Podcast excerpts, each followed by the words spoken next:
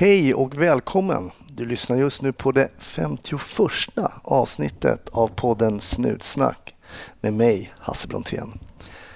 Idag heter min gäst Armas och honom har ni kunnat se på Instagram under namnet Veckans GV där han imiterar Leif GW Persson och gör det på ett väldigt roligt sätt. Men annars jobbar han som polis.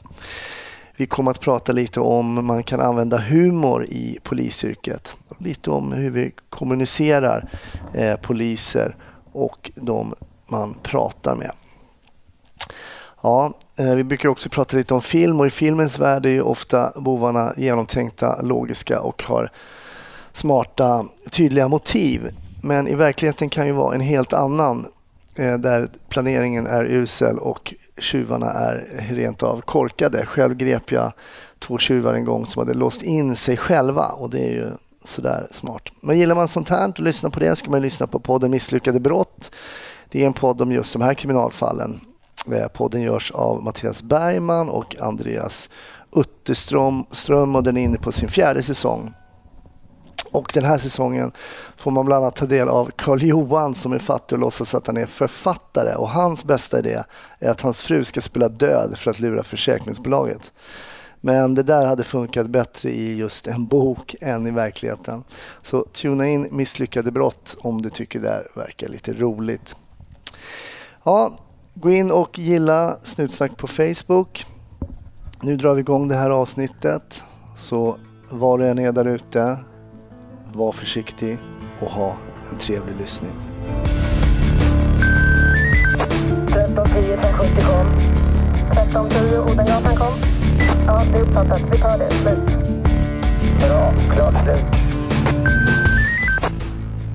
Då säger jag välkommen till Snutsnack Armas.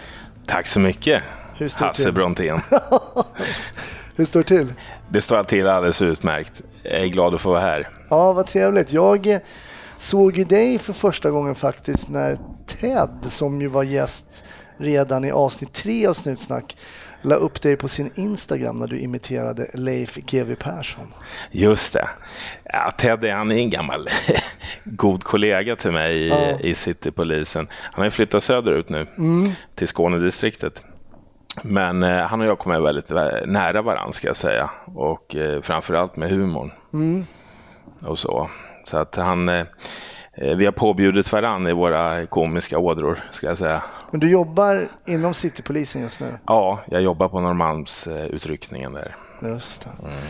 Men äm, humor är ju någonting som står mig nära också. Och hur, som polis, jag menar, hur viktigt är det att, att jobba med humor? Jag tänker kanske inte då på att lägga upp, men jag tänker i din roll som polis, kan man använda sig överhuvudtaget av humor i den rollen? Absolut, tycker jag, eh, ska jag svara direkt. Eh, jag har, jag har god användning av min humor. Dels för min egen del att hantera situationer, skulle jag säga, och sen även för att ehm, ja, deeskalera situationer, ska jag säga, eh, på, på, på ett korrekt sätt som, som gör att man liksom inte tar bort udden av allvarligheten och människors känslor. Men, men eh, jag skulle vilja säga att jag har haft, jag har haft nytta av humorn oerhört många gånger i mitt jobb där, där jag tror situationer skulle ha eh, förvärrat situationen om man inte kan avdramatisera vissa saker. Eh, så att eh, ja, hu- humorn har hjälpt mig väldigt mycket saker, både professionellt men även eh, privat också i, i jobbiga situationer. Så um, du var en humoristisk person innan du började jobba som polis? Det skulle jag nog absolut vilja säga. Ja, men det är väl min bild också att man faktiskt kan använda humor som ett verktyg i, i, i vissa skeenden som polis utan att som du säger ta förlöjliga någon eller, eller ta udden av det allvarliga men att Precis. det går att använda. Ja, och jag, jag tror att det märks även på mitt kroppsspråk och framförallt kanske mitt ansiktsuttryck, hur jag, hur jag tolkar folk i, i min blick och sådär. Att man, det här gamla klassiska att man, en, en polis som är aggressiv, om man säger så, i sitt kroppsspråk och sitt ansiktsuttryck, gör ju att folk inte vill ha kontakt med den polisen eller den personen och, och det, dessutom så eskalerar man oftast en situation som, som man inte alls behöver, behöver hamna i egentligen från början. Då. Och vad kan, eh, om du beskriver till exempel ett aggressivt kroppsspråk, vad kan det vara? Vad kan, det, vad kan det vara om man bara kan exemplifiera för lyssnarna? Ja, men det, det kan ju till exempel vara att man står med armarna i kors, man eh, tittar bort, man har, söker inte ögonkontakt med personen man pratar med. Eller så söker man ögonkontakt och den är väldigt aggressiv. Mm. Eh, man lyssnar inte framför allt på den person man jobbar med, oavsett om det är en målsägare eller en, en misstänkt person eller ett vittne. Eh, utan man, man har någon form av klar lösning redan som inte stämmer med verkligheten. Och det, det tror jag är... Eh, förr var det väl kanske mer vanligt än idag tror jag. För jag tror svensk polis idag är väldigt goda lyssnare och inkännande av vad, vad, som har hänt på en plats, även om inte alla ord faller på plats direkt. Liksom. Mm. Eh, och så. Så att eh, jag upplever till exempel att svensk polis idag, eller i alla fall där jag jobbar, är det ju inte särskilt många som är, har det aggressiva synsätt som, som kanske har förr har präglat polisen med ett oförtjänt dåligt rykte. Liksom. För just när du nämner Norrmalmspolisen än idag så har väl det får folk, folk upp tankar på både baseballligor och, och annat. Ja. Men det, det kanske inte stämmer längre. Då, Nej, det gör ju inte det, skulle jag vilja säga. Att det inte gör det. Och, och eh, det, det, har en negativ klang hos vissa fortfarande, tror jag. Kanske hos allmänheten, men även eh, bland vissa kollegor på, på skolor och så, vad jag har hört. Att eh, sök inte Norrmalmspolisen, för det kan vara, det kan vara struligt och jobbigt. Och, mm. ja, det kan vara svårt att bli godkänd som aspirant har jag hört någon gång. Mm. Eh, svårare än på andra ställen. Eh, men, men, det stämmer inte. Utan vi, vi har en otrolig god sämja i, i, i, de, i de turlag som jobbar där och jag tror inte det skiljer sig så mycket från andra arbetsplatser inom polisen. Men eh, Norrmalmspolisen är ju ändå Eh, ett distrikt som ligger i centrala delarna av Stockholm och det är klart att där omsätter man ju kanske mest jobb i Sverige så det, det blir också kanske på så sätt ett omtalat distrikt. Jo, det blir det. Eh, vi har tyvärr, ska jag säga, relativt hög omsättning av personal. De, de flyttar till andra rotlar inom eh, distriktet city. Men även till eh, man kanske söker sig till, till andra eh, regioner på grund av familjeförhållanden och så. Mm. Eh, jag, jag, tror inte att det är som så att, att man söker sig från Norrmalm utan man söker sig till något annat för att man har andra skäl. Mm. Så skulle jag nog beskriva dagens Norrmalmspolis. Mm.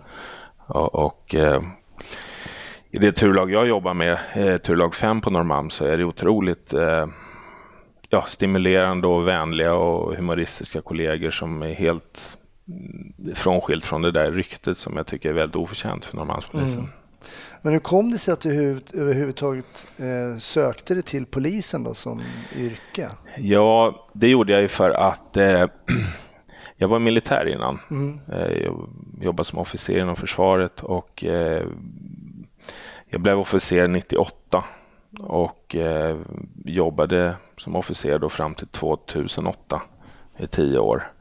Och eh, det var en tid där, där, man i försvarsbeslut la ner väldigt mycket regementen, man urholkade resurser och så vidare i Försvarsmakten på, på grund av världsombilden. Då. Mm.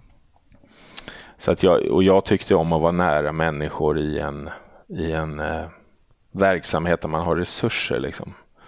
Eh, där folk är, är, motiverade, där man har eh, möjlighet att utveckla människor på det sätt som är tänkt då från början. Men eh, på grund av det då så, så valde jag att lämna Försvarsmakten, i alla fall tillfälligt. Och då hade jag tänkt på polisen många år, så jag, jag gav det ett försök. Jag provade att söka en gång och kom in då, 2008. Hur var skillnaden där? Jag tänker när man är fostrad i försvaret så är det ju liksom en, en speciell skola. Eh, tror jag mig eh, veta, jag baserar det bara på att egentligen jag har gjort lumpen för många, många år sedan, men för mig var det lite en chock att komma till, från försvaret då Och sen komma till polisen. Jag tyckte det var så slappt i poliskåren där. Man hade inte ens likadana uniformspersedlar och det var väldigt... Det var inga uppställningar. det var ingen uppställning på morgonen och mm. man blev inte av med knappen om man inte hade knappt den och Nej. Nej, men jag tyckte att det var ganska stor skillnad. Det var väldigt uppstyrt i alla fall. Jag jobbade, eller jobbade, jag låg i lumpen på K1 i Stockholm som militärpolis. Det var ordning och reda och, och um, jag trodde att det skulle vara något liknande, det var inte alls när man kom till. Hur upplevde du den här transitionen från, från, ja, är intressant. från militären till... It's a hyper topic. ja, jo, men jag har reflekterat över den väldigt mycket. Det var intressant att följa den redan på skolan, eh, så där från, från, från försvaret. Jag var ju kapten i försvaret eh, som avslutningsgrad. Då. Mm. Det blev jag redan 2004 faktiskt. Eh, och, och var kapten fram fram tills jag slutade då, 2008. Eh, nej men generellt kan man väl säga så att eh, jag delar din bild av det här med att man tyckte att det var en mellan myndigheterna Försvarsmakten och Polismyndigheten så, så är det en enorm skillnad på golvet, om man säger så, eh, i, i att man... Eh, försvaret, försvaret har en viss jargong, eh, systematisk effektivitet och charm, skulle jag vilja säga, som inte finns inom polisen riktigt. Skulle jag vilja säga. Mm. Polisen har dock en annan typ av charm som jag har upptäckt. Eh, så, de, så de skiljer sig åt på, på, olika sätt som gör eh, att jag tycker om båda arbetsplatserna. Mm. Eh, det jag kan sakna inom Försvarsmakten hos polisen är väl liksom att, att man eh, det, det, finns en viss jargong inom Försvarsmakten som jag tyckte var väldigt professionell, ska jag säga. Och effektiv, men väldigt humoristisk också. Och det, det, det måste man förstå och, och jag, jag, tror man kanske inte förstår den fullt ut om man inte är där. Att, att det är en, en stor portion humor i den eh, professionalism och effektivitet som finns där. Den finns också i polisen, eh, kanske i ännu större utsträckning i vissa fall. Eh, men att man kanske inte alltid har distansen till den humor som finns i försvaret. Så det kan jag sakna lite grann. Sådär. Mm. Men då gick ju du då från att vara kapten, vilket ju är man har kommit upp sig lite grann där och har lite väringar under sig. Så. Mm. Men och sen går den in och blir eh, på noll igen och är polisstuderande eller polisaspirant. Hur var det då? Ja, det... Bli malaj? Ja, jag blev malaj efter 12 år som kapten. No, eh, ja, det var lite quite absurd. Men eh, jag tog det så här att jag, jag tyckte det var ganska eh, gulligt nästan. Alltså, det var charmigt på ett sätt som, som, som jag omfamnade. Jag förstod att jag skulle bli polis igen. Eh, läs soldat i försvaret. Mm. Och det var många som rynkade på ögonbrynen i försvaret och förstod inte alls mitt val. För jag, jag skulle förmodligen läsa till major inom det närmsta året där. Och eh, folk förstod inte det där riktigt, men det handlar om inre värden eh, i mig, vad jag tycker är viktigt för mig vad jag tycker är roligt och hur jag mår bra privat. Liksom. Och då, mm. då, var det inte försvaret då. Utan jag valde att söka polisen för jag tyckte det var en intressant organisation och det man jobbar med skarpt dagligdags. Mm. Eh, så, så, omställningen från kapten till soldat för mig var eh, den var speciell men jag tyckte att den var mm, jag omfamnade den på ett sätt som var, var för mig eh, Spännande, mm. ska jag säga. Tilltalade du alla dina klasskamrater med efternamn också? Eh, mer eller mindre. var det så? Ja, ja. Det, det var ju en sån klassiker man hade i lumpen. Ja. Man, man, man, visste ju inte ens folks förnamn. Nej, men jag lärde mig aldrig några förnamn i polishögskolan, ska jag säga. Och, eh, utan det var ju efternamnen. Ja, det var det. Jag pratade Eriksson och Johansson och, eh, och folk tyckte det var kul och de kallade mig för kapten där i klassen. Det blev ja, så. Ja, nu kommer kapten så cyklar jag från Gärdet upp till POS på Sörentorp och eh, nu cyklar kapten hem igen, sa de. Men hur var själva skolan då när du hade passerat den? Hur upplevde du det? Jo, men, jo, men det minns jag ganska tydligt. Jag, jag var ju um, inom, inom försvaret så var jag ju på K1 på Livgardet. Mm. Eh, de Där gjorde i lumpen alltså? Nej, det gjorde jag faktiskt inte. Jag gjorde lumpen, om jag ska vara ärlig, på, på LV3 i Norrtälje Ah, på, okej. på Robot, Robot 70 kompani. Mm. Eh, så jag gick luftvärnets stridsskola som var rätt hård, ska jag väl säga.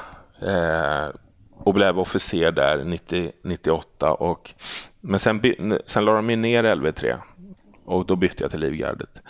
Och då hamnade jag på K1. Mm. Eh, först på en sån här högvaktskvadron där. Så jag lärde mig att rida eh, på ungefär fem månader skulle jag från noll kunskap att livrädd att gå in till 700 kilo muskler så skulle jag eh, rida med enhandsfattning och eh, svärd då, Ja, alltså sabel upp till slottet. Och eh, kunde man inte det så då var det bara att packa. Eh, så det gjorde jag och blev biten av det också så att säga. Mm. Så att jag, jag, jag fortsatte att rida och eh, fick faktiskt en egen eh, så att säga, stiftelsehäst här. Eh, så så jag, jag, jag, jag red på och fick gå en, en kurs på Strömsholm där med ett par kollegor. Eh, så, jag, så jag tävlade några gånger i fälttävlan också faktiskt. Ja, Spännande. ja, Ja, det är ju mäktigt att rida och i och med att jag låg där på K1 så gjorde jag ju, jag vet inte hur många ridande högvakter jag gjorde där men man red där, just det, vad hette det då som man satte där när man red på, man satte, Kandar. Kandar ja. Kandar hette det. Ja just det, man Ja. red liksom med tummen upp där. Och, Just det, det där känner du till. Ja. Man vred framåt och bakåt. Mm, precis ja, det Ja. var ju, hästarna var ju väldigt känsliga när de fick det här kandaret. Ja. Nej, det var ju spännande. Eh, och det var ju där de kom och rekryterade då till de kom ju till militärpolisen och tänkte att ni skulle bli bra. Jag kan ju än idag inte se egentligen varför man skulle bli en bra polis för att man var i lumpen som militärpolis. Men vi var många som gick över därifrån i alla fall och gick sprang rätt in i, till POS. Till. POS direkt. Ja, ja, Ja. man var ju en junis men eh, ja, Ja. det funkade det med. Ja, för jag, jag utbildade i militärpolisjuridik på, på, på, eh, på K1 då. Just det. Och, och det var ju lite så här, dels fick man själv lära sig, man får läsa på rättegångsbalken och polislagen. Men sen fick jag även gå faktiskt en F, ja, ja det var en renodlad F-ledarutbildning i, i, eh, i Linköping, i Östergötland. Så fick jag faktiskt gå den, och en fördjupad juridikkurs i hanteringen av FU, i FU liksom. Så, så att jag blev ju ganska juridiskt polisiärt bevandrad. Liksom. Så att, eh, som svar på din fråga förut så, så blev ju POS blev ju en, eh, det blev en kommentar, som jag brukar säga. Ja, det, en kommentar. Jag, jag kunde grundparagraferna, Mm. så jag tyckte det var kul att diskutera med lärarna efter, efter lektionen och sådär. Eh, för de gick ju mer grundrekvisit och så. Mm. Så då tyckte jag det var intressant att, att, att diskutera en fördjupad eh, juridik. Liksom. Just det, för gjorde. polislagen och sånt och jag läste Ja. också som militär, för Ja. att du skulle utbilda militärpoliser. Ja. Eh, sen kommer du ut då, då. Kom du in till city direkt eller? Då kom jag till City direkt. Jag sökte till City. Och eh, eh, ja, jag, jag sökte City. Jag fick aspiranten i City. Och sen, eh, sen fick man genomföra en sån här rotation då. Så att man fick rotera på IG och sen även på inre utredningar. Och det tog väl det första tjänstgöringsåret tror jag. Jag tror jag, jag för mig att jag roterade på IG ett halvår och sen roterade jag på, på utredningar ett halvår. Sen fick man välja sin fasta placering. Och då valde jag faktiskt, eh, det var på den tiden vi hade Näpon fortfarande. Eh, så då- Närpolisområden Närpolisområden, ja precis. Eh, och sitter ju i uppdelade i ett antal sådana. Var, förlåt. Eh, och då valde jag Vasastans Näpo. Och, och det var enkom för att det var väldigt drivna arbetskamrater där. Det var väldigt, väldigt roliga kollegor som jobbade där. Jag roterade som aspirant en, kort stund på eh, Näpot också. Då var jag bland annat på Vasastan. Och eh, jag tyckte det var otroligt roliga kollegor. Så jag valde, då fick man välja så här, antingen väljer du IG här i Norrmalm eller så väljer du ett Näpo. Och de flesta skulle in på IG. Det var coolt och tufft och sådär. Lite Eh, mer action. Ja, men jag tog Vasasons Näpo för där var det ännu coolare och mer actionkollegor. I klartext. Eh, Och blev det så också när du kom dit? Ja, det blev det. Eh, och eh, Vad var fördelen att jobba vid ett Näpo på den tiden? Då? På den tiden var det, dels, för att jag, dels för att jag tror på Näpo-idén. Eh, jag tycker det är väldigt synd att vi har lagt ner våra Näpon. Eh, I alla fall för att vi inte kunde följa upp det på det vis man tänkte. Inte i nuläget i alla fall, med mm. den pers personnumerären vi är. Eh, för Näporna är otroligt effektiva i att man har god kontakt med när, de medborgarna som bor i stadsdelen, eh, skolor, näringsidkare och så vidare. Som gör att man, man, de upplever att man kommer nära säkerheten av polis mm. och vi kommer nära problematiken. Liksom.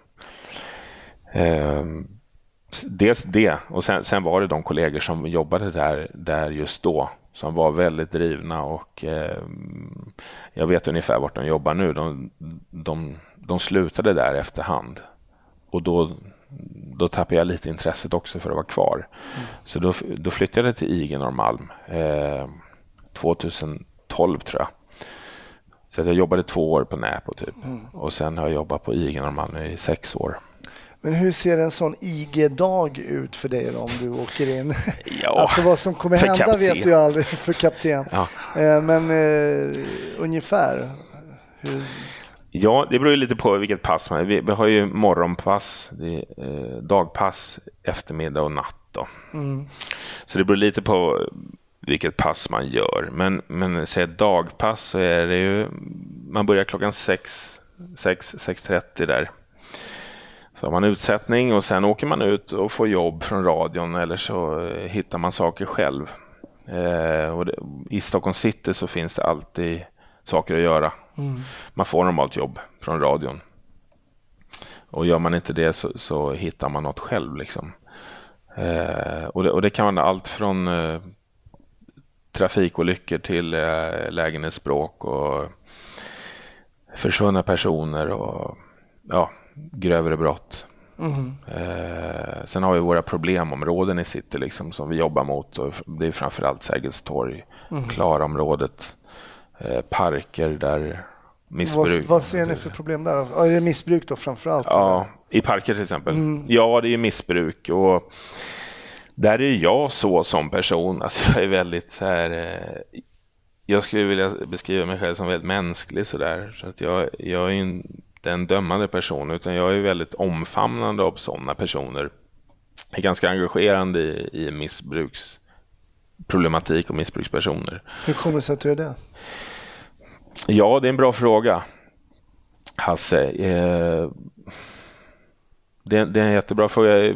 Jag, jag, tror det beror på den, eh, naturligtvis den person jag är, den person jag har växt upp som och det, min familj och sådär som har gjort att jag har blivit väldigt eh, empatifull.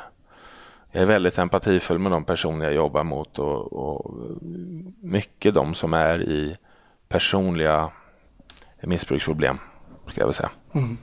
Eh, jag är aldrig dömande mot dem. Jag, jag, vill krama om dem och hjälpa dem. Liksom. Men hur blir du bemött som polis då inne i stan av hur är liksom grundbemötandet mot dig? Du kommer ju och du är ju liksom nästan ja. urtypen av en polis. Du är ja. ganska stor, mm. eh, tatuerad. ser stark ut, du är ja. väldigt tatuerad. Mm. Hur, hur tycker du att du blir bemött som den polisen då, när du kommer i uniform? Jag tror så här att de, de ser mig som, som, som de flesta människor ser någon. Och sen skapar man sitt intryck. Eh, och den är inte den person jag är när de börjar prata med mig. Eh, och det har jag fått höra hela mitt liv egentligen, både privat och i arbetet, att, att du är ju inte alls den jag trodde du var. Mm. Jag fick intryck att du var, jag kommer ihåg eh, en god kollega som heter Liam på, i turlaget, han, så vi är goda vänner nu och han, han eh, sa på aspiranten att han såg mig första gången på Södermalms polisstation när han satt och avrapporterade och då kom jag in i rummet och han sa fy fan, vilken jävla snut. Ska man vara så där för att jobba på Norrmalm, sa han. Eh, och nu är vi bästa vänner och han, han benämner mig som eh, du är nallebjörn. Liksom. Mm, så att du menar att första intrycket av dig kanske inte alltid stämmer då? Nej, det, det gör det inte. Mm. Eh, men men det, det, har jag vant mig vid och jag, jag förstår att det är så. Jag, jag, ser ut som jag gör, men mitt inre speglar inte mitt yttre, mm. om man ska vara ärlig. Mm. Eh, Och hur snabbt dröjer det innan du kan så att säga avslöja ditt inre då, om du kommer fram till en plats? Då? Eh, hur, hur länge dröjer det innan du kan avväpna den fördomen? Det, det beror ju på vilket ärende det är då såklart. Mm. Om det är ett ärende med vilket de flesta fall är, ska jag säga. Man pratar med, oftast pratar man med en anmälare. Man åker på ett ärende där någon har sett någonting. Eller så pratar man med en målsägare. Någon har blivit slagen till exempel. Eller någon har blivit utsatt för någonting. Eller ett, ett vittne som har sett något. De märker nog ganska omgående vem jag är. Hur jag pratar med dem. och hur, Jag använder min humor också där lite grann. Mm. I, på, på, på lämpligt mått. Mm. Eh, hur vet man där vad som är eh, lämpligt? Menar, kan man dra den här humorn liksom ett steg för långt och att det kan missuppfattas också? Det kan man absolut göra och, och jag är oerhört nog. Det, det, är inget som jag egentligen tänker på, så här, var ska jag dra en gräns? Jag, jag har den i mig, jag känner det där vågspelet. Och, eh, man kan absolut, så fort man säger fel ord egentligen, så kan det slå helt fel. Men det har aldrig varit något problem. Jag, jag, jag känner alltid att jag har jag har en eh, balans i att, i att hantera personer på, på ett sätt som de vill bli hanterade i den situationen. Mm. Det, det, är nog min största förmåga som polis, kan jag vilja säga. Att, att, hantera människor verbalt och eh, känslomässigt i kroppsspråk och så. Och det kan man inte tro kanske när man ser mig, men, men det är nog min största egenskap och det har jag fått höra också eh, av, av, av, folk jag har, har hjälpt och sådär. Eh, tror du, tror du att poliser generellt skulle behöva öva mer på att just, jag tror att många har det som du säger kanske i sig och känner den här balansen och kanske mm, humor kontra auktoritet kanske ibland, för det behövs ju också som polis att man är lite auktoritär. Mm. Eh, för jag kommer ihåg att vi övade absolut ingenting egentligen på de här situationerna där man kan spela lite med eh, humor, auktoritet, kanske vara lite lättsam och liksom mm. lite mer avdramatiserande och sånt där. Skulle man kunna göra det? Öva på sånt? Absolut. Jag, jag tycker det är högst centralt och jag, jag, jag, jag saknade det i min polisutbildning och jag, jag tycker att Eh, nu när jag, jag har jobbat åtta år som polis ändå. Eh, och vet med sig också hur jag har ingripit mot, mot, folk i försvaret också. Det, eh, allt handlar om hur man hanterar människor. Så är det. Det handlar inte om vad man har på bältet, utan det är vad man säger här uppe i munnen till folk och hur man agerar. Eh, jag, jag, tycker det är kommer alldeles för lite på POS, Polishögskolan, till, eh, till del av av vad som är viktigast i polisjobbet. Mm. Eh, jag, jag upplevde att vi inte pratade om det någonting egentligen. Så på de så formella praktiska övningarna vi hade på Polishögskolan, den var inriktade på juridiska åtgärder. Och det ska man naturligtvis också kunna, men det är, det är inte det viktigaste, tycker jag. Om jag sträcker ut hakan lite, så, så är det inte det. Man, man har lagstöd för det sunda förnuftet ändå. Det har lagstiftaren sett till. Att följer man bara sin magkänsla så finns det lagstöd för det. Sen ska man kunna det naturligtvis, men det, det, det, är, det är en otroligt viktig del att kunna ta människor som polis. Jag har ju jobbat med poliser i vissa fall som jag tycker har varit direkt olämpliga liksom att egentligen konfrontera människor ja. eh, i stressade situationer så där man inte alls kan eh, sudda ut konturerna på en kantig händelse utan tvärtom gör den bara värre. Ja. Och, ehm, och det har egentligen handlat om ganska enkla situationer, hur man bara börjar en konversation. Ja. Jag jobbade vid ett tillfälle som jag bara får upp i huvudet nu. Den började den konversationen med att en polis kommer in då, det var jag och han, eh, och säger, det börjar med att säga så här, sitt ner. Mm. Alltså vilken människa någon gång i vilket sammanhang börjar en konversation med att kommendera en person att liksom sätta sig ner? Alltså, man måste ha tid att säga så här, hej, jag heter Hasse, vi mm. kommer från eh, Norrmalmspolisen. Ja. Jag vet att det har varit lite stök här. Mm. Just nu har jag inte tid att prata med dig, men om två minuter kommer jag tillbaka. Om du har lust, sätt dig gärna ner. Så, Alltså sådana Absolut. enkla, enkla, Ja. enkla saker. Men Ja. en del är oförmögna att ens Absolut. påbörja en... Man vet ju att nu är du redan på minus. Ja, jag vet.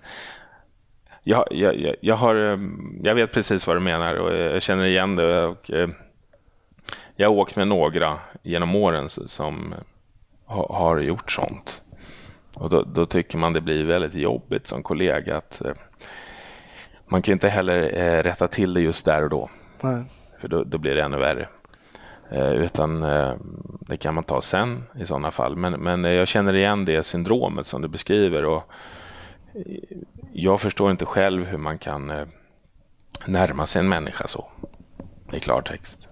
Nej, det. Vi, vi har ju uniform på oss och vi ut, utövar myndighetsutövning. Men vi, vi är ju människor och uttagna till att hantera människor. Det är därför man har intervjuer med polisaspiranter eller polissökande för att man ska få fram en sån person som inte säger sitt ner.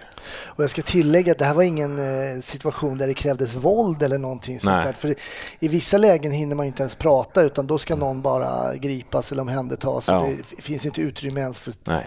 för att skapa en konversation och det är ju en annan sak. Ja, det är en annan sak. Men när man kommer, ofta som polis, kommer man ju ändå till en händelse där man kan konversera med en person.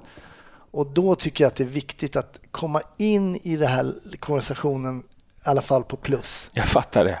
Ja, jag håller med. Jag håller med. Jag tyckte det var jätte... I det här fallet så sa jag aldrig någonting. Det var en äldre polis och eh, jag tänkte bara så här... Mm. Men jag, jag sa aldrig någonting. Men Nej, det, var, det blev ju inte bra heller. Nej jag förstår det. Mm. Och det, det är ofta som du säger, det, det är små ord som blir en vattendelare i hur, hur situationen fortlöper. Precis, Och, det kan ju eh, vara väldigt... Och i, eh, och i vissa situationer så krävs det tydliga kommandon. Det, det kan vara att det har skett någon trafikolycka, folk tar sig in eller det är direkt farligt för allmänheten att vara där. Då måste man vara mer tydlig eh, i syfte för att skydda dem. Och det, det tror jag ibland kanske allmänheten har... Om man ser det i ett lösryckt sammanhang, att en polis säger tydligt, och man fångar det på kamera. mm, Jag tittar vilken aggressiv polis, men det är oftast för, förhoppningsvis i alla fall, att vara tydlig för att skydda den allmänheten där och då.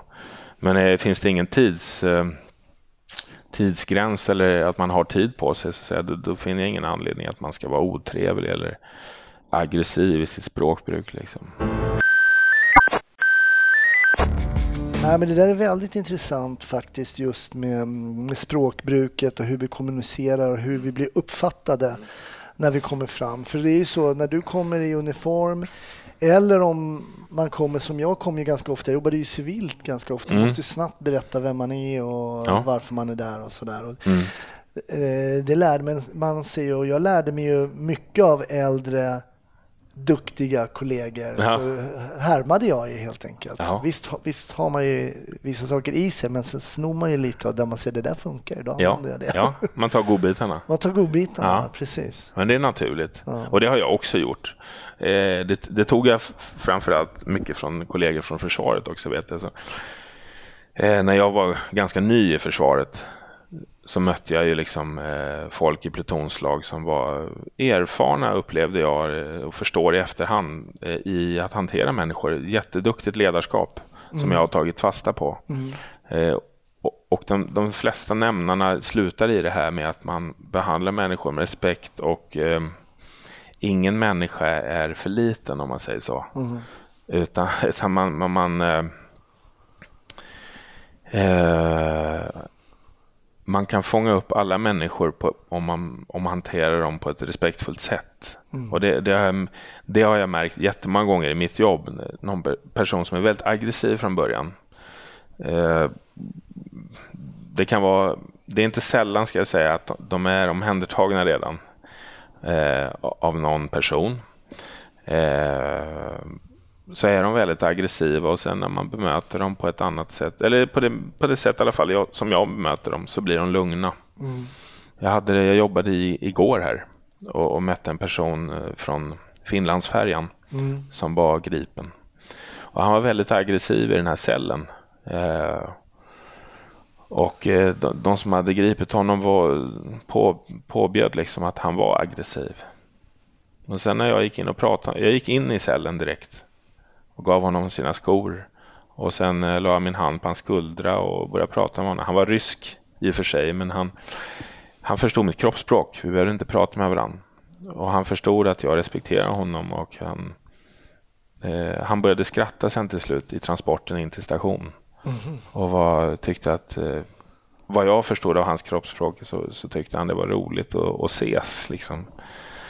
Eh, så det, det, är helt avgörande hur man är. Liksom. Hade jag börjat bryta på honom eller slängt på honom fängsel, där bara, då blir det därefter. Liksom. Mm. Men om man byter om, eh, man tänker på, som du säger, ibland måste man vara mer tydlig och kanske mer auktoritär. Hur, hur uppfattar du att, eh, det, en, det blir en generell fråga, men att att de eh, uppmaningarna tas då idag? Det är att äh, men, ungdomar eller dagens bryr sig inte om polisen. Eller hur tycker du att eh, den biten funkar när du så att säga pekar lite mer med hela handen? Ja, mot dagens ungdomar? Ja, nu tog jag det som ett exempel. Alltså som ett exempel. Uh, ja, men det är en väldigt intressant fråga. Det är lite olika på, på, på ålderskategorier, mm. hur det här är.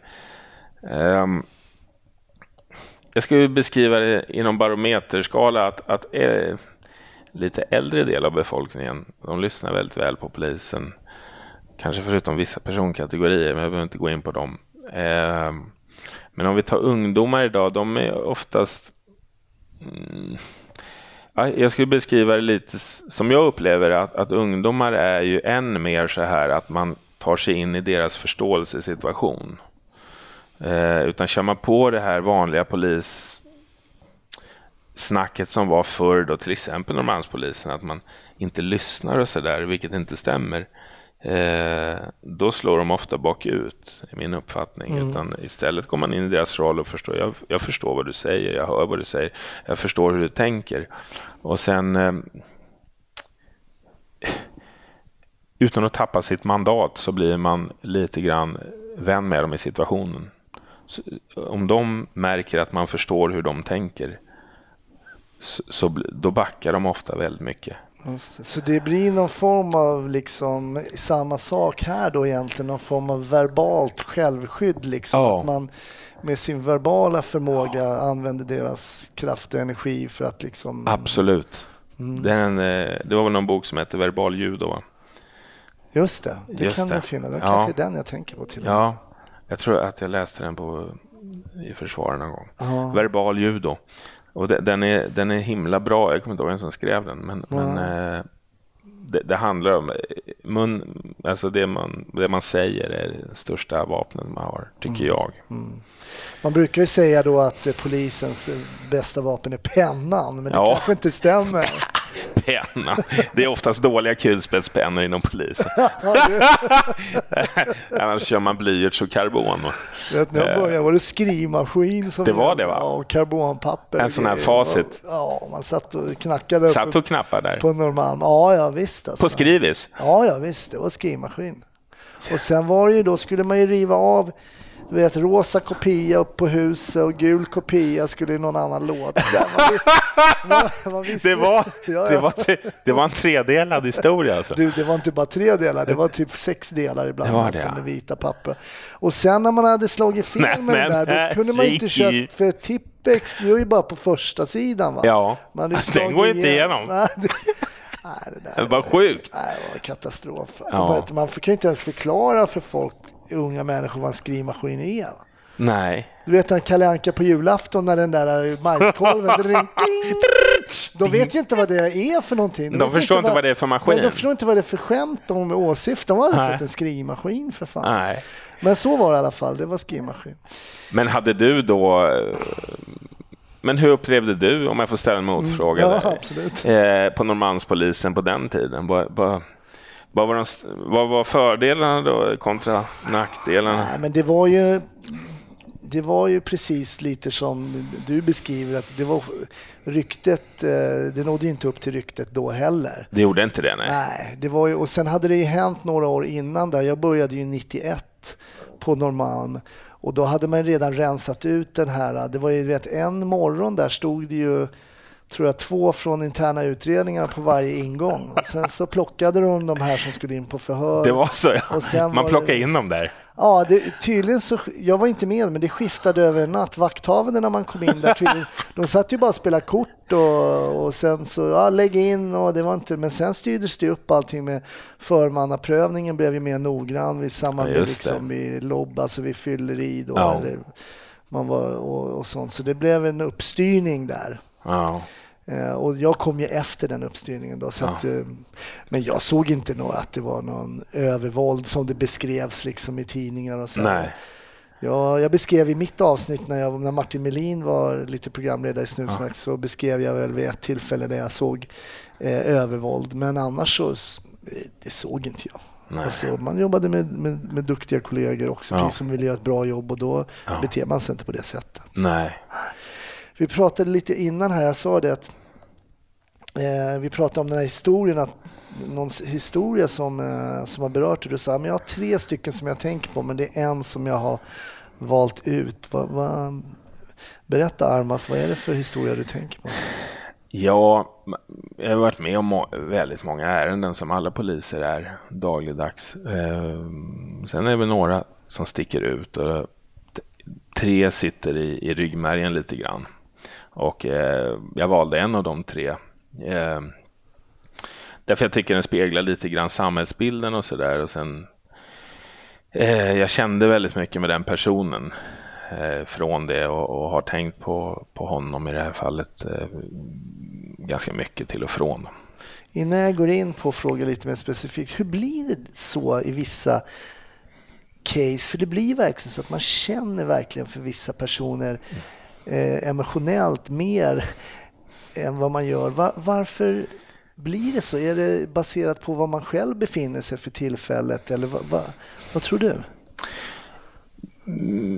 Ja, det, det är väl flera faktorer. Det, det ena är nog, eh, det största för mig är nog hur jag uppfattar att den personen uppfattar sin ståndpunkt i livet Okej. där och då. Vad var det för... Blev ni kallade till ett specifikt plats? Eh, ja, ja, ja, det blev vi i och för sig. Vi blev order av radion på ett sånt här rutinmässigt ärende bara. Eh, vi, vi blev kallade för allmänhet hade ringt in om en kille som satt uppe vid eh, nedgången till Hötorgets tunnelbana eh, från Malmskillnadsgatan eh, och var, verkade väldigt påverkad av någonting. Mm. Så såldes det ungefär på radion. Så jag och min kollega åkte dit. Vad är det för tid på dygnet? Eh, Det här är en, jag, jag har för mig att det var ett nattpass och vi hade gått på ganska nyligen så det var vid 23, 23.30. Och för folk som inte känner till Stockholm så är det lite murrigt där uppe. Man åker upp liksom eh, Malmskillnadsgatan en Det är, bit. lite, det är lite murrigt och det är eh, problemområde i, i stort, hela Klara-området då, som innefattar liksom Plattan, eh, Vasagatan, Klarabergsgatan. Malmskillnadsgatan är- Malmskillnadsgatan. Tidigare varit känt för ett stråk för prostituerade väldigt mycket. Ja, och, och även fortfarande. Mm. Eh, Mäster Samuelsgatan och, och Malmskillnadsgatan. Mm. Eh, så, så det är inget område som egentligen så säga, Svensson rör sig i, kanske normalt sett i ett stråk, framförallt inte vid den tiden. Då. Nej. Eh, men det var någon, någon hade ringt in om den här personen. Eh, vi rör ju, rör ju oss det annars, liksom, så vi hade säkert upptäckt honom ändå. För du sa rutinärende, var det då sen... Varför ringde man att han...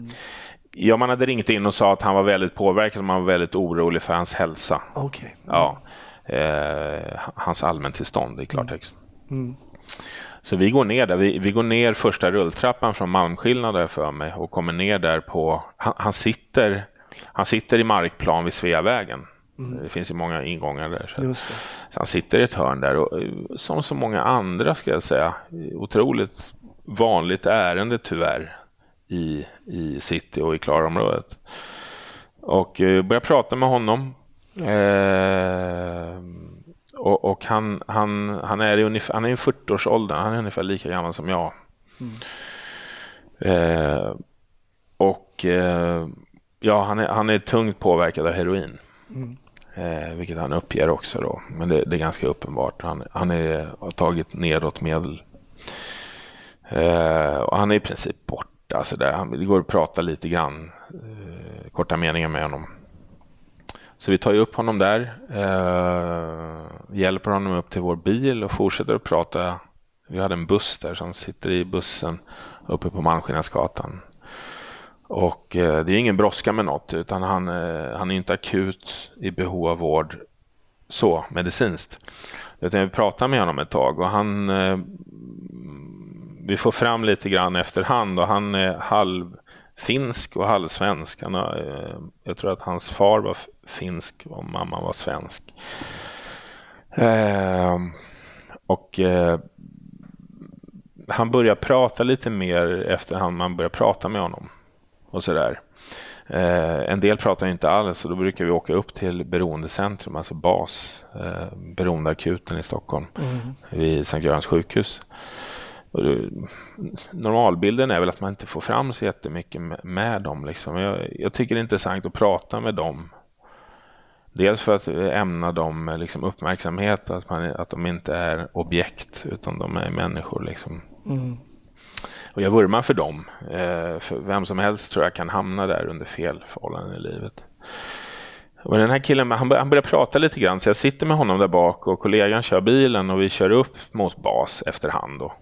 Eh, så vi börjar prata där bak och han pratar mer och mer eh, på, på liksom finlandssvenska. Och, ehm, eh, ja, då kommer det fram då att han, han, har, han, är, han har ursprung från Finland men är uppväxt i Sverige.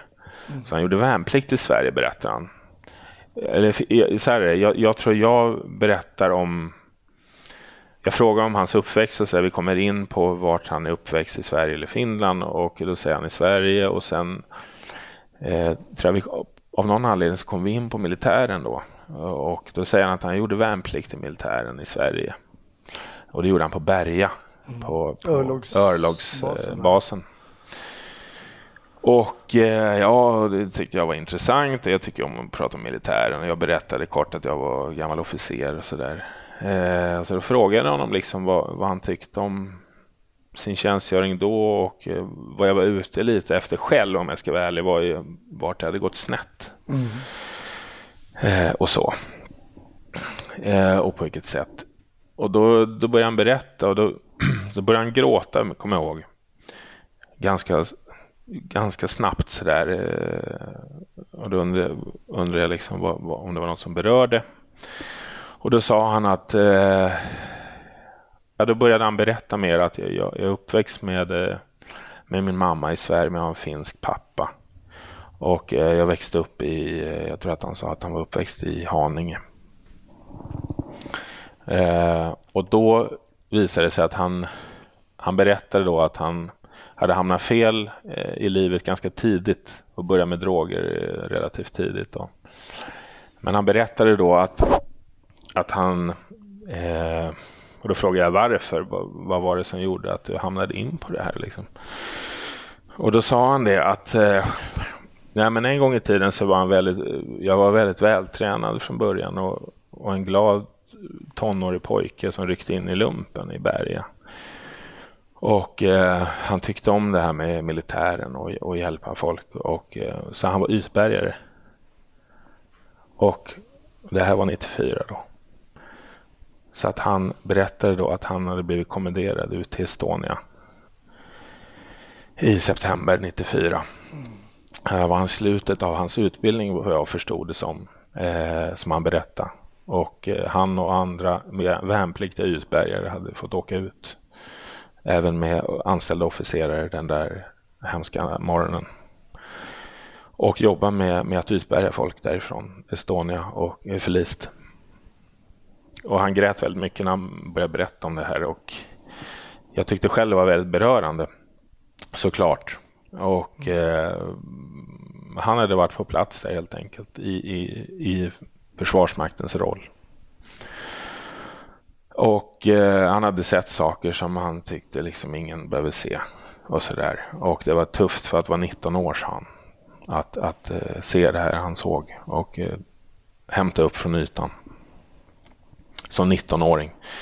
Eh, så han berättade vad som hade hänt där och sen så eh, berättade han att efter sin avslutade värnpliktstjänstgöring och den här händelsen då så hade han inte upplevt liksom att han kanske hade fått det stöd han behövde. Mm.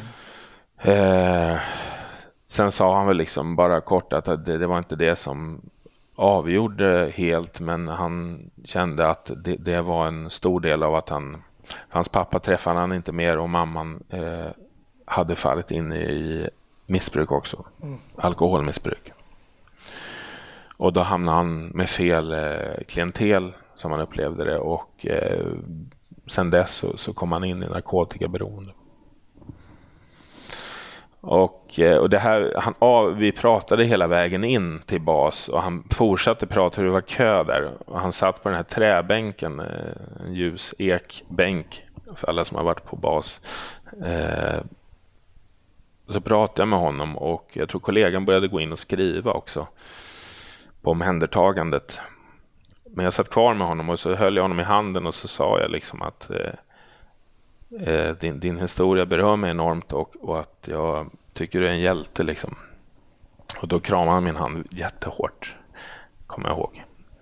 Det, det berörde mig jättemycket. Mm. Eh, och så.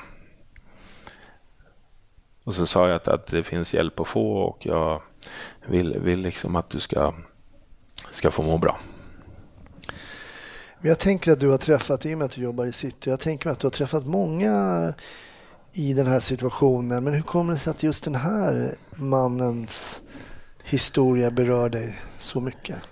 Ja, det har jag också funderat på. Eh, dels var det hur han berättade det liksom där och då. Men sen så kunde jag identifiera mig. Han var precis samma ålder som mig. Han var, han var, han var, jag tror vi var exakt lika gamla. Han var 76 också, mm. som jag är. Uh, jag kunde identifiera mig med honom i, i person. Vi var till och med ganska lika utseende. Hade och, du kunnat vara och, den här personen? Ja, jag hade kunnat vara honom. Jag är själv halvfinne till och med. Eh, och kunde ha gjort värnplikten på Berga likväl som i Norrtälje. Så, att, eh, så det fanns alltså många beröringspunkter här? Ja, väldigt många. Så jag tror det var det som väckte... Jag blev oerhört berörd i alla fall av det. Vad hände med honom sen? Han, där och då blev han ju omhändertagen den natten. Eh, sen Sen ringde jag Bas vet jag och frågade vart han bodde och så där. Han, han var tydligen skriven hos någon kamrat i, i södra Stockholm. Eh, de kände till honom på Bas. Han hade varit där förut. Mm. Eh, men ja, jag, jag, jag har inte följt upp honom mer sen. Men jag tänker på honom mycket. Och du gör det? Du, ja, det. Han dyker upp i dina tankar? Ja. Vad tänker du då? ja, att han, han, han eh, jag vill att han ska få må bra liksom. Mm. Och att han eh, han, han ska inte behöva sitta på plattan i ett hörn. Nej. Liksom. Jag tycker det är oerhört intressant och innan du berättade den här historien så är jag nyfiken på dels varför vi fastnar så för vissa öden, vissa människors öden, varför de fastnar i, våra, i våran hårddisk och varför du tänker på den här. Men hur ska man liksom, hur ska man ta hand om alla de här tankarna? För att som polis så möter du ju hela tiden eh, människor, om vi kallar det för skuggsidan av, som är från skuggsidan av samhället som sitter ja. i den här muggiga miljön ja. i trappan ner från Malmskillnadsgatan ner ja. mot Sveavägen. Hur, hur, hur hanterar du de här sorgliga historierna som kommer upp hela tiden? Ja, eh, den frågan är ju självklar naturligtvis och befogad. Jag, eh, jag, jag, jag tänker mycket på dem. Mm. Eh, jag tänker nog mest på dem alltså om jag ska vara ärlig, i polisjobbet. På de livsöden som sitter där. Mm. Och där folk rusar förbi i rusningstrafiken. Mm. Eh, jag vet inte vad allmänheten tror och tänker om dem. Det finns förstås allt från och inget. För det är ju eh. så, det är ju någons son och någons dotter ja. som vi träffar hela tiden. Eller vi säger jag, men ja. ni som ja. jobbar som, som poliser. Jo, men det är, det, att, det är så jag tänker och jag, jag tänker på vad, kunde jag ha suttit där? Mm. Eh, vart kommer Melker, min son, vara? Eh, jag kommer se, göra allt för att han inte är där naturligtvis. Ja, men det, det, är tillfälligheter som avgör var, var man hamnar om jag, ja, det finns en gradskala. Det, det är tillfället som avgör var man hamnar om man inte har en, om man inte har en trygg tillvaro. Mm. Eh, ju, ju, tryggare tillvaro man har, desto större kanske är chansen, tror jag väl, eh, att, att man eh, inte hamnar där. Mm. Men sen är det en egen människas beslut vart, vart man vill vara, var, var man blir fast, i vilken relation, i, i vilka droger till slut. Mm. Eh, man kan ha en väldigt trygg uppväxt också och hamna där. Mm. Så det är de, jag, jag, jag, tänker på att, att eh, jag tänker på att de har varit barn en gång i tiden. Mm. Och, och, de hamnar där av olika anledningar. De vill inte vara där såklart. Mm. Det jag kan se lite som en röd tråd när mina gäster här i Snutsnack har pratat om emotionella historier så har det varit små triggerpunkter. Till exempel har man haft barn kanske i samma ålder. Man är på en trafikolycka och någon är det barnet som man kanske tar hand om som eh, är förolyckad och kanske till och med döende är i samma mm. ålder. Det påverkar en oerhört mycket. Ja. Och här fanns det ju ganska många trigger, eller liksom, jag vet inte om vi ska kalla det för trigger för jag är ingen psykolog. Jo, så. Jo, men, men, det var... men det var ju ändå lite, det var en halvfinne i din ålder med ja. militär bakgrund så det fanns ju mycket här och, och ja. som man kanske initialt sällan tänker på men som kanske kommer upp senare. Kan det vara så också? Det, det var så, absolut. Jag har tänkt på det också och kände det redan där och då. För jag blev berörd redan där. Det, det var ett ärende som jag har åkt på förr. Mm. Väldigt många gånger. Mm. Och jag, det är klart jag blir berörd av andra också, men det här berörde mig väldigt personligt. Mm. Eh, dels för vem han var och ålder och bakgrund och sen hur han beskrev det hela. Och, och sen fick jag kontakt med honom. Han, han tog i mig fysiskt hårt i handen och, och vi kramade om varandra sen. Mm.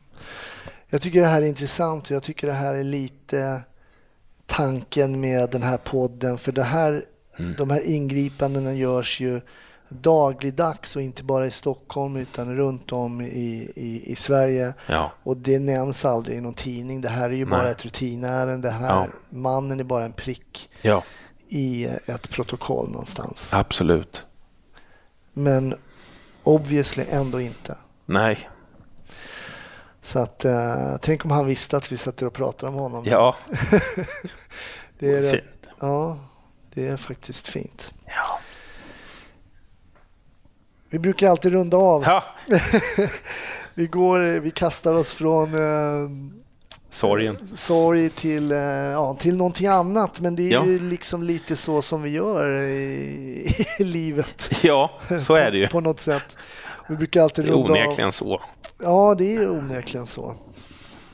Vi pratade lite innan här, vi började spela in, du sa att du är eh, du gillar humor, du gillar musik mycket. Ja. Men du tittar inte så mycket på tv-serier? Nej, det är alldeles riktigt. det, det, är helt vi, korrekt. Så vi kommer, inte, vi kommer inte få någon spännande serie här, någon tips? Nej, uh, inte någon så här djuplodande. Uh, och då misstänker jag att du heller inte sitter och följer Beck eller Johan Falk eller? Faktiskt inte så mycket, men det gör jag inte. Jag har följt några eh, på, på uppmaning och det är framförallt Falk för att jag har redan i försvaret så blev jag eh, enormt omtalad om att jag var... Folk trodde till och med att jag var Seth Rydell. Eh, att jag var slående lik, framförallt när jag var helrakad på, på pallet, som det heter. så, så det var en kollega, kommer jag ihåg, i försvaret som sa, varför har du inte sagt att du, att du spelar in film? Nej, vadå, tänkte jag, men du är ju med i Falk. Och han trodde det på riktigt. Och du kan dementera det? Alltså. Jag kunde ju dementera det, att jag var, jag var tydligen otroligt lik han eh, som spelar Seth Rydell. Ja. Men jag tänkte innan du ska få, du ska ändå få rekommendera, du ska inte få smita undan här. utan, inte smita imorgon. Inte helt va? Du, eh, du får tänk, tänk, på någon film som du skulle kunna rekommendera. Det behöver inte vara något nytt eller något sånt, känner ingen press. Men, Nej, dåligt på nytt. Eh, det är dåligt på nytt. Men jag ja. tänkte ändå att vi ska pusha lite för ditt Instagramkonto som heter eh, veckans GV. Precis, Där du just då det. imiterar GV lite och eh, vi ska se om jag inte kan muta dig att göra något roligt till eh, Snutsnacks Facebook-sida också. Ja, det vore ju underbart. Ja. det är på sin plats så att säga. Men innan jag tackar dig för din medverkan då, kan du rekommendera om det får bli någon gammal film då förstår jag? Men... Ja, det som kommer upp när du tvingar mig så här, det är ju, eh, det är ju den legendariska Eddie Murphy i Snuten i Hollywood. Och jag tycker han, han har den där han har hjärta och sen har han innovativ, eh, innovativ uppfinningsrikedom som jag tycker en polis ska ha på det där rätta viset. Ja, och sen har han ju eh, onekligen en ganska stor uns av humor också. Mycket humor. Eh, så att eh, det får nog bli Eddie i Hollywoodfilmerna som är min favorit. Stort tack Armas. Vi rundar av där och eh, jag bugar och bockar. Tack så jättemycket för att du ville vara gäst eh, i Snutsnack. Jag bugar och bockar också alltså. Tack, tack så mycket.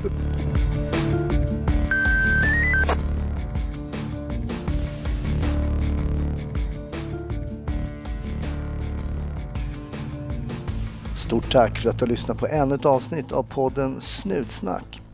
Gilla oss på Facebook. Du kan även söka upp mig på sociala medier där jag finns under mitt eget namn, Hasse Brontén. Ha en fantastisk vecka så hörs vi nästa. Hej då!